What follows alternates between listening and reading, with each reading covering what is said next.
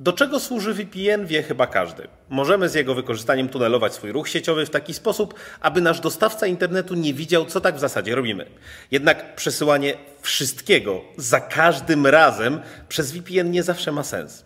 Pewnie między innymi dlatego ExpressVPN wprowadził możliwość zarządzania, które połączenia będą iść przez VPN-a, a które będą go ignorować. Niestety wdrożona funkcja nie do końca działa jak powinna.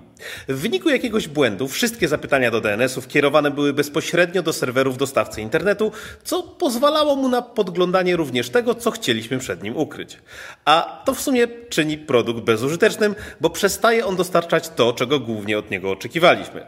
Cóż, ExpressVPN usunął na razie winną wszystkiemu możliwość podziału ruchu, ale wróci ona, kiedy zostanie naprawiona.